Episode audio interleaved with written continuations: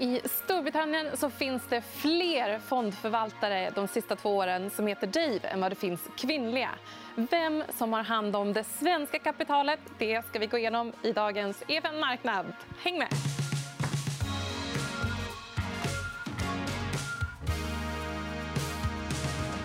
Med oss i studion idag så har jag eh, två personer, nämligen Johanna Englund som är sparekonom på Fondbolagens förening och eh, Mona Lotta Turell eh, som är ordförande för Svenska riskkapitalföreningen. Välkomna till eh, det här avsnittet. Stort tack. Tack. Jag börjar med dig, Mona Lotte.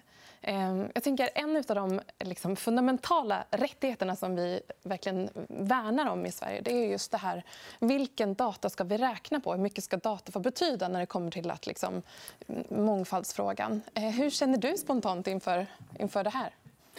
Det är en jätteknepig fråga just med mångfald och registrering av olika typer av läggning. Eh, vi mäter kön i Sverige och även eh, våra medlemmar i riskkapitalbolagen börjar ju registrera och för att få upp eh, ja, till exempel antalet kvinnor i styrelse och ledning. Men mångfald är mycket svårare. I USA mäter man ju det sen och där är en annan lagstiftning. I Norden har vi ju inte rätt att registrera alla saker. Eh, så den är svår i Sverige. Mm. Ja, och både du och jag, Johanna, har ju bott i England under en period. Och där är vi vana vid att man faktiskt får ge ifrån sig den här typen av data. Eh, hur var den förändringen att komma tillbaka hit till Sverige? Ja, så jag måste säga att jag verkligen noterade det när jag började jobba i England och när jag jobbade där under de åren. Att jag märkte verkligen av det och blev lite ställd första gångerna när jag skulle fylla i etnicitet och alla de frågorna som man inte alls är van med från Sverige. Men sen eh, man, jag fyllde i och tänkte inte mer på det. utan Det var så man gjorde där. Och, eh, för mig var det, ingen, det påverkade inte mig i någon större utsträckning just där och då. i alla fall. Mm. Eh, vi har lite intressant data från de amerikanska bolagen när det kommer till hur man redovisar eh, mångfald. Och då så visar det att eh, 100, bland de 100 största bolagen eh, så redovisar 37 stycken bolag just mångfald. Så utöver kvinnor eh, och män och fördelningen däremellan och ålder så även minoriteter Eh, för att säkerställa det. 37 i USA och två bolag. Det här är data från 2019. Eh, spontant, vad känner du inför, inför den typen av siffra? Ja, jag förstår det. Och debatten finns ju här. Och Blackrock, jätteinvesteraren, de ställer ju krav på att man ska registrera i USA. Och så den debatten finns ju i Sverige också och kommer. Ehm, vad man börjar göra är att, att att eh, diskutera bland våra medlemmar, alltså private equity och VC, venture capital-företagen att ja, titta på det här. Hur kan man då, kanske man på någon frivillig basis kan eh, börja rapportera, eller enkäter eller så kallad self-assessment. Kan man göra någonting eh, med det här? Investerarna börjar ju ställa frågor. Och den internationella investerarorganisationen som heter ILPA, eh, International Limited Partners Association, de har nu ett ramverk frivilligt där man kan ansluta sig att just för att rapportera kring mångfald. Men då finns det en sån här opt-out-klausul att om du inte kan det enligt lagstiftningen så behöver du inte rapportera in det här. Så det är en jätteknepig fråga med, med lagstiftning och GDPR. Det, som är, det händer mycket och debatten har ökar runt det här ämnet. Och jag vet att ni tillsammans med Allbright och bland annat har initierat en utbildning för att jobba mot de noterade bolagen. Kan du berätta lite om vad ni vill lära ut i den här utbildningen just när det kommer till mångfald? Ja, precis. Vi vet ju att eh, inom finans och inom private equity så ligger man lite efter med att få kvinnor i ledningsgrupper, i styrelser och mångfaldsfrågan som har kommit väldigt mycket nu. Alla företag är medvetna och private equity-bolag väldigt, jobbar väldigt hårt med att få upp upp eh, antalet. Och då är ju eh, ett samarbete med Allbright och börsen att våra bolag som är onoterade kom, ska ju växa och kanske komma till börsen. En del går till börsen, en del säljs. Eh, men att man börjar i tid med de här frågorna. Och vi som private equity-ägare har ju eh, som aktiv ägare har ju stort inflytande och kan påverka och ställa krav. att nej, ni måste ha er mer mångfald i er ledning och i styrelsen. Så att den här utbildningen är ju framför allt att få upp medvetenheten i ledning och styrelse. Att den här unconscious bias som man pratar om. Att verkligen prata om den på ledningsnivå och på styrelsenivå. Hur har det här mottagits? Då? Eh, det har ett jättebra intresse och väldigt blandat från olika investerare, bolag och medlemmar. och eh, Även anställda har deltagit. Så jag har haft eh, tre seminarier på våren och så kommer det vara ett event nu i, i höst. Så att det är ju, jag tycker det är väldigt bra att den här debatten förs och även att man i media lyfter upp de här frågorna. För att jag tror att det är ett sätt att hela tiden prata om det. Att det är ett tryck på uppifrån och från anställda och från kunder. Att det är ett sätt att komma fram. Och det tar tid, men, men eh, genom att man håller debatten levande så, och utbildning kring de här frågorna. Så det är den här ut, utbildningen syftar till att få alla medvetna. Ja. Men Johanna, eh, du representerar ju fondbolagens förening. Fondbolagen som har hand om en väldigt stor del av vårt kapital. Mm. Eh, hur jobbar fondbolagen med den här frågan? Ja, alltså om man kollar på hur det ser ut bland de svenska fondförvaltarna. egentligen. Man, jag gjorde en liten, eh, liten egen undersökning. för jag, jag, kollade på den här undersökningen som du pratade om innan och noterat den även tidigare från Morningstar. De kollar på Storbritannien och hur fondförvaltarna eh, hur det ser ut med fördelningen kvinnor och män där. Eh, och kollar man då på här i Sverige så ser vi att ungefär 18% av fonderna är förvaltade av kvinnor. Eh, vilket är över snittet på det globala snittet på ungefär 12 Ehm, så någonstans där så kan man se att vi ändå är bättre än det globala snittet. Vi är bättre än Storbritannien. Ehm, sen internt så om man kollar på hur fondbolagen i sig jobbar mot, mot bolag och hur de själva tänker när de väljer in bolag så kan det skilja sig väldigt mycket. Men hållbarhetsfrågan, och där kommer också den här aspekten in bland många fonder. Ehm, men som jag säger, det, är ett brett spann och fondbolag kan jobba med det på lite olika sätt. Så där gäller att man försöker läsa sig in och hitta informationen bland de enskilda fonderna för att förstå hur just de eh, jobbar med de frågorna. Mm. Så att om man som investerare vill eh, utgå ifrån mångfald som en utgångspunkt när man letar upp fonder att investera i eh, så behöver man gå till varje enskilt fondbolag egentligen? Ja, man, och där får man ju välja själv. Alltså vill man vill man att fonden ska investera i bolag som har ett, ett jämställdhet och mångfaldstänk eller vill man investera i en fond som själva är eh, jämlika i, i avseende till förvaltare, eller till styrelse och till ledningsgruppen. Så där kan man välja utifrån olika parametrar vad man själv tycker är viktigt. Eh, men som sagt, ja, där behöver man kolla upp det och, och försöka läsa på egentligen själv. Mm. Jag läste någon data från eh, den amerikanska där man har sett över, från Bloomberg Eh, som presenterade data från Harvards universitet. En professor tittar på eh, hur eh, vem som hade presterat bäst som fondförvaltare om man jämfört minoriteter, kvinnor och mot eh, eh, liksom, eh, män också. Och då visar det att, att minoriteter och kvinnor var väldigt duktiga och bättre i den enskilda studien.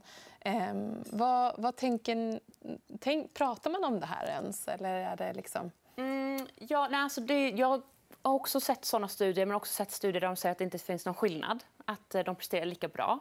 Ehm, det jag tror att man snarare ska tänka på är att vad kan de här olika individerna bidra med till förvaltningen. Man kanske kommer med olika infallsvinklar och man har olika syn på att tackla vissa problem eller man kan göra olika analyser och dra en fördel av det. Att man försöker se på bolag och på omvärlden utifrån olika vinklar och, och parametrar. Och jag tror att det är en fördel i sig. Ehm, och att man bara ska försöka se det positiva med det än att stirra sig blind allt för mycket på, på prestationen. egentligen. Mm. Vad tänker du om det? Mm, jag skulle också säga att man kan få siffror, att man har mångfald. Och titta vad bra vi är. Vi har då 50 eh, ditten och datten och, vi är mångfaldscheck på den. Eh, men det viktiga är ju också att man har en verklig eh, inclusion, att man faktiskt känner sig inkluderad när man sitter i ledningsgrupp eller i styrelse, att man faktiskt allas röst är hörd och att man då genom en sån här utvärdering kan faktiskt undersöka att ja, nu, nu har vi eh, den här styrelsen. Känner ni att, ni får, eh, att vi har en mångfald? Att det faktiskt, vi har olika åsikter som är tillgodosedda? Att man på, i verkligheten också har en, en inkludering. Den är ju lika viktig. mm. som man mm. gärna glömmer bort. Men jag tycker också det är spännande att se... Liksom, för att, jag menar, money talks. Så är det ju. Mm. Eh, om vi tittar på, på de onoterade bolagen som får riskkapitalet så ser vi ju idag att men, max 2% är den högsta siffran vi har sett på att kvinnliga entreprenörer får i, i riskkapital. Mm. Eh, och det här är ett globalt fenomen egentligen. Mm. Eh, och då, hur det, det sedan avspeglas i vilka bolag som kommer till börsen och blir noterade. Eh, mm. har ni någon tanke om liksom, hur man kan påverka det? Och... Ja, verkligen. Och det finns ju ett samband att om, om kvinnor inte får riskkapital så kommer de heller inte växa i samma ut, eh, omfattning och komma till börsen. Men vi, vi ser ändå att det finns ett ökat intresse bland investerarna. Investerarna har ju stor makt. Att, och om man nu börjar tänka att ja, men varför har vi inte fler kvinnliga entreprenörer. Varför, eh, att man aktivt börjar leta och diskutera. Och det ser jag väldigt mycket på investerarsidan nu. Att man eh, aktivt diskuterar och letar. Och då tror jag det kommer att komma. Vi kommer att se det mer. Det tar tid, men... men eh, mm. Du nämnde Blackrock som ju är en av de största ägarna på Stockholmsbörsen och verkligen har ett enormt inflytande. Mm. Jag vet också att när Nasdaq ansökte om att man ville lägga de här kraven på bolagen i USA. Att även den svenska Nasdaq följde upp det eh, med att så här, vi vill också jobba vidare med den här frågan och vi återkommer med på vilka sätt. Mm. Eh, men jag har inte sett någon liksom, tydlig indikation på hur än. Mm. Mm. Men hur, hur tror du då att, att det här kommer att liksom, fortsätta att lyftas i, i Eh, i debatten om när det kommer till vem som förvaltar kapital och vilka förebilder vi har också. Kanske kvinnliga fondförvaltare och så vidare. Mm, ja, men jag tror att, eh, eller min förhoppning är att det kommer fortsätta att öka i alla fall. Att det kommer bli bättre på den fronten. Men sen så tycker jag också att det är intressant att kika på länder som kanske har eh, avancerat lite snabbare än vad vi har. Och då hittade jag siffror på att just i Asien där är det mycket, mycket fler kvinnliga fondförvaltare. Där exempelvis Hongkong de hade 28% ehm, av fonderna då som förvaltas av kvinnor. Då får en ju direkt att fundera på men varför, varför är det så där. Har du några tankar om det? Ja, men och då fick jag ju då läsa mig till att det finns eh, vissa parametrar som, som kan ligga bakom det. En av dem var att man ser att kvinnor i högre ansträckning då, de söker sig till just de utbildningar de, eh, som kräver kanske lite mer statistik, matematik. De utbildningarna som, eh, som efterfrågas bland en del förvaltarbolag. Eh, och där finns det alltså en större andel kvinnor. Så att de har rätt utbildning. Och sen så ser det också kulturellt lite annorlunda ut. De bor i större utsträckning med den äldre generationen. Så man kanske bor med sina föräldrar eller mor och farföräldrar. Så att när det kommer till familjelivet, där vi ser att kvinnor, det är oftast där det här taket slår in och det är oftast där man, man stannar till.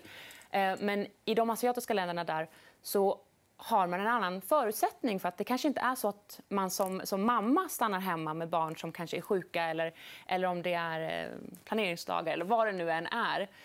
Utan då har man hjälp av, av sina mor och farföräldrar och just den generationen som kanske kan steppa in och hjälpa till. Mm. Eh, Men samtidigt så, så en fl mer flexibelt arbetssätt mer skulle resultera i en mer... Men samtidigt så tänker jag det finns ju andra grupper som också ligger långt bort ifrån liksom, i den här statistiken och det är minoriteter. Mm. Eller, liksom, och hur, hur, ser man på den typen av siffror? För vi i Sverige har ju ändå jobbat väldigt aktivt med med kvinnor, skulle jag ändå säga. Mm. Eh, och, eh, men när det kommer till ytterligare parametrar, vad... Ja. Precis, nej, men jag tror man måste börja någonstans. Och, eh, och nu har vi Sverige kommit långt med kvinnor där vi kan mäta eh, kön. Alltså, och, och att mäta så ser man resultat. Och, eh, apropå det här med eh, kapital till kvinnor så eh, har man sett att om man har fler kvinnliga investerare också så ökar andelen kvinnor som får kapital. Och varför har man inte eh, fler kvinnliga investerare då? Och då är det en eh, Business Angels Euro som har gjort en undersökning för två år sedan om, om orsakerna. Och de har sett just att det är Eh, nej, nej, eh, dels är det förebilder, var det ena. Finns det förebilder för, som investerar, kvinnliga förebilder, som man inte hade så mycket. Och sen så var det också nätverk. Att hur får man tag på bra eh, bolag att investera i? Eh, och ett disk diskussionsforum på ett naturligt sätt. Mm. Mm. Ja, hur, och vad tänker du där? Jo, men jag, absolut Förebilder. så. Ja, men jag måste ändå säga att jag tycker att det finns... Eh, det finns väldigt många bra kvinnliga förebilder i, i finansvärlden. Eh, och om man, om man ger, ges det utrymmet så, så finns det väldigt många som man kan lyssna på. Och, eh, jag tänker exempelvis på våra, våra medlemsbolag då, som, som står för ungefär 90% av fondförmögenheten i, i Sverige. Där har vi 36% av vd de är kvinnor. I, om man kollar på i stort i samhället så är det ungefär 10 av, av eh, vd i näringslivet kvinnor. Så det, är en stor skillnad. Men om man sen kollar på vilket kapital som de här 36% av kvinnorna förvaltar så har de, den förmögenheten är 70% så att de, har, de är, väl, de, de är förvalt, eller vd på, på väldigt stora bolag, väldigt stora fondbolag.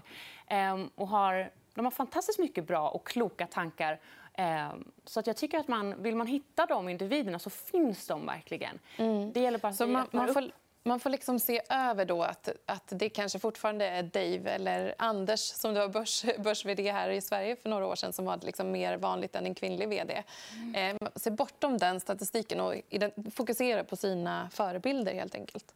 Ja, men jag tror att det är viktigt att se att det finns och att eh, vi har många bra. Och sen inte glömma bort, vi får fortsätta kämpa med det och fortsätta jobba för det och försöka, jag tror, prata om det, sprida intresse och engagemang bland unga att det är möjligt och det finns en plats för alla. Eh, och bara ja, försöka sprida den kunskapen och det budskapet egentligen. Och jag tror också till studenter att det mm. i finansbranschen, ja men se utbilda och tala om vad, vad, man kan göra. Och det är kul. Och det, det mm. eh, så det blir, alltså dagens ungdomar är mycket mer jämställda kanske än vad det varit. Så jag tror att det är en tidsfråga också att, att det kommer, eh, kommer mer mm. genom diskussion och kunskap. Jag tänker dock att det, det, finns väldigt få i Sverige eh, personer som representerar minoriteter eh, som syns när det kommer till både fondförvaltning och när det kommer till liksom, ledarskap på börsen. Eh, men vad tror ni håller den här typen av siffror tillbaka? Jag tror det är samma. Dels är det väl eh, lagstiftningen har varit att man, man får inte rapportera till, kring det. Och det eh, man, kan, man kanske inte ska rapportera om allting heller, för det är ju en personlig integritet. Eh, så. Mm. Eh, och sen att det är ju kanske en mognadsfråga också. Nu har man börjat debatten om jämställdhet kvinnor och män. Att det kanske kommer också eh, som en följd därav. Men ja, eh, mm. jag, jag tror i och med att debatten finns att det kommer komma mycket mer. Och framförallt tänker jag precis när det kommer till ledarskap eh, vilka som liksom, man identifierar sig med som, som går i, i bräschen eller leder verksamheter. Mm. Att man vill se eh, att vi behöver tänka runt eh, en större bredd där. Mm. Ja. Eh. Just det, och jag tror att eh, rekryteringsföretagen har ett jätteviktigt ansvar också att hitta att eh, titta brett. Man har kanske haft en väldigt... Man har tagit i sitt nätverk, men att mycket mer jobba mycket hårdare för att hitta mångfald bland kandidater och presentera flera kandidater, inte bara en. Och även valberedningar till styrelsen har också en jätteviktig roll att faktiskt hitta olika typer av människor och kompetenser. Mm. Mm. Eh, så från, ett, från ett rekryteringsperspektiv, vill eh, de här personerna, tror vi det? Vill tjejer i högre utsträckning vill de bli fondförvaltare? Eller representerar 18 den här den andel som vill liksom, eh, förvalta Alltså, jag, jag, tror att det finns absolut fler kvinnor som, som vill bli fondförvaltare. Jag tror inte att det är eh, färre kvinnor än män. Men jag tror att man har ett, ett lite skillnad liksom, i hur man eh, approachar den världen. Eh, om man, om man pratar med lite liksom, fondbolag så säger man att de får in mycket mer liksom, spontanansökningar från män än från kvinnor som kanske är... De kanske inte tickar alla boxar, men de, de kör ändå och liksom testar. De bara kastar ut sig där. Vilket det inte verkar som att kvinnor gör i lika hög utsträckning. Och kanske då inte om man, om man tillhör en minoritet. Ehm, så jag tror att vi... Um, antingen får man göra om hela rekryteringsprocessen och, och kanske ändra hur man presenterar de här arbetena för att de ska vara mer tilltalande för just den målgruppen då, alltså man kanske vill fånga upp kvinnor på ett annat sätt, att man måste tänka lite olika snarare än att kvinnor och minoriteter ska ändra hur de ansöker jobb. Mm. Men kan det här till och med ha motsatt effekt, tänker jag, när man ser den här typen av data då, på Dave eh, versus kvinna? Eh, att det är så här, ja, men det här är en bransch som inte är för mig, den som ser det. Ja, absolut. Och det är därför som man tar ansvar, även de som rekryterar men även de, om man nu är, sitter på kapital och ska investera så får man eh, förfrågningar från entreprenörer. Så ser man att den här killen söker 100 miljoner och den här tjejen söker en miljon. Ja, men vi vill satsa. Så vi, mm. då, medans då kanske man tar ansvar att ja, men det här bolaget som den här tjejen driver ja, men det kanske ska vara 10, 20, 30 miljoner där istället. Och man kanske inte ska ha så mycket som man har, kan coacha på olika sätt om man är medveten om att kvinnor kanske generellt, om man generaliserar, tar mindre risk eller är mindre riskbenägna. Så att man, om man med medvetenheten också kan se att ja, men här kan vi faktiskt balansera det här. Mm. Eh, och samtidigt så tycker jag också att det är intressant att, att se hur eh, entreprenörer som då liksom, att, tar in riskkapital, exempelvis eh, man pratar ofta om utbildning, man pratar om ofta liksom om, om vissa olika, ett flertal parametrar som är viktiga när det kommer till att säkerställa att man ger det i större utsträckning till kvinnor och utrikesfödda eller ja, minoriteter. Men samtidigt så, så kanske man faktiskt måste ställa hårda krav. Jag menar, Kinnevik exempelvis ställde ju, satte 10 eh, för nåt år sedan till liksom, kvinnliga grundare. Eh, vad tror ni? Kan vi verkligen lösa det här på med, eh, med bara liksom, morot och inte piska?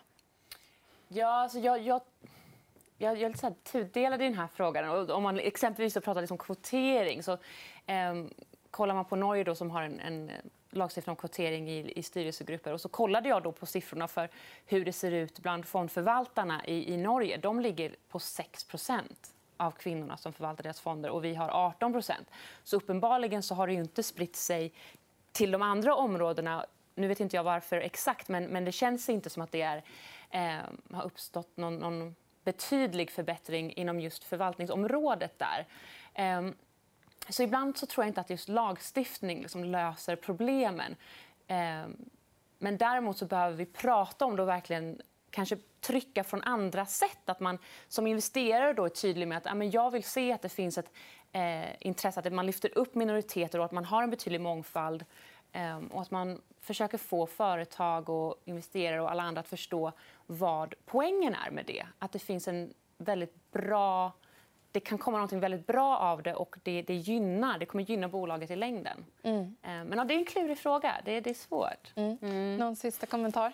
Jo, att eh, investerarna, pensionskapitalet då, när de ska sätta in det i en, fond så ställer de ju ett antal frågor mer och mer från investerarhåll. Att du måste, hur jobbar ni med inkludering och mångfald? Så att man, för att få pengar så måste man jobba med det och inte bara kryssa i att man faktiskt visar att man gör det aktivt eh, i sina styrelser och i sina bolag. Så det finns ju en sån eh, morot, men också piska att Annars får du inga pengar om du inte jobbar med de här frågorna. Mm.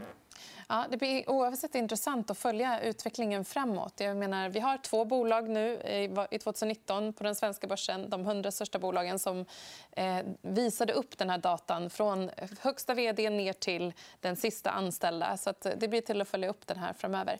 Vi är tillbaka i EFN Marknad på fredag och då är det ARA som styr skeppet. Så vi ses då.